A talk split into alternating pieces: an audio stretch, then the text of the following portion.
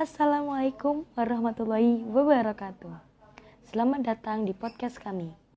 Kembali lagi dengan podcast Belajar Muhammadiyah bersama saya Nabila. Topik pembahasan kali ini cara menyikapi COVID-19 ala seorang mukmin.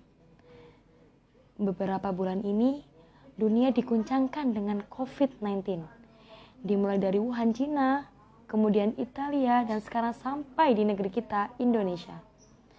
Celakanya, kemarin orang Indonesia menganggap bahwa COVID-19 tidak akan sampai menular ke Indonesia.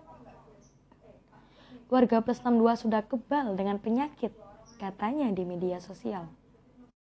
Namun, hari ini terbukti bahwa omongan mereka tidak mengubah takdir. Allah menakdirkan wabah ini sampai di negeri ini. Untuk pembelajaran diri, untuk mengingat diri bahwa kita adalah manusia lemah tanpa Allah, kita bukan apa-apa. COVID-19 memang mengerikan.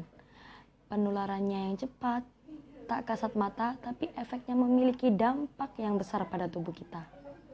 Parahnya, bisa menyebabkan kematian seseorang. Tentu atas takdir dari Allah Ta'ala. Lalu, bagaimana sikap kita sebagai seorang muslim-muslimah dalam menyikapi kondisi ini? Dengan meyakini bahwa semua kejadian ini adalah ketetapan Allah Ta'ala.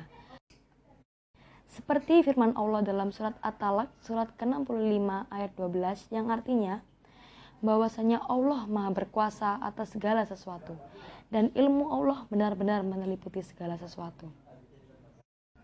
Tetap waspada dan jangan takut berlebihan.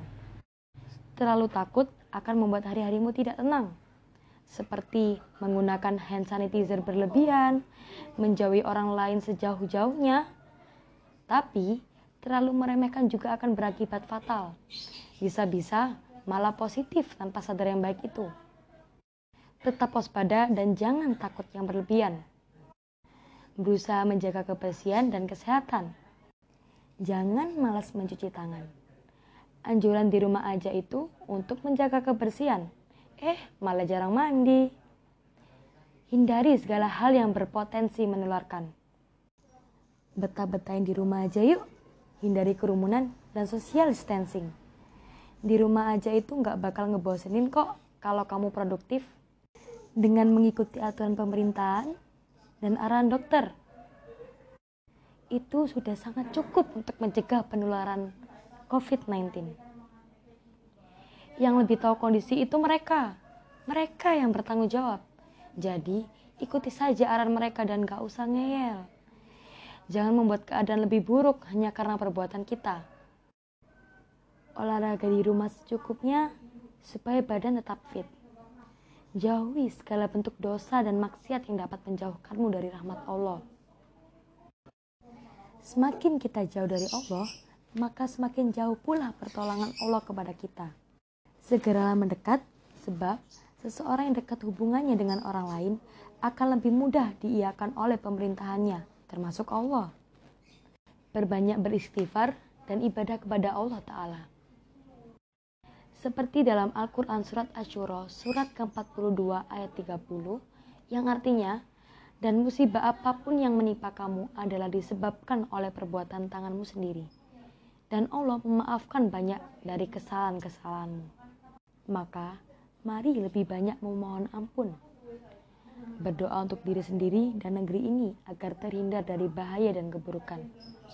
Jazakumullah khairan. Semoga kaum muslimin muslimat dan negeri ini segera sembuh. Amin, amin, ya rabbal alamin.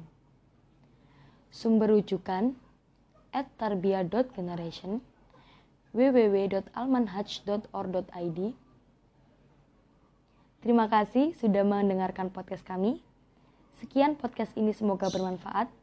Jangan lupa kasih kami kritik dan saran lewat Instagram Story di Instagram kamu dengan tag official Instagram at pcipm underscore karpil.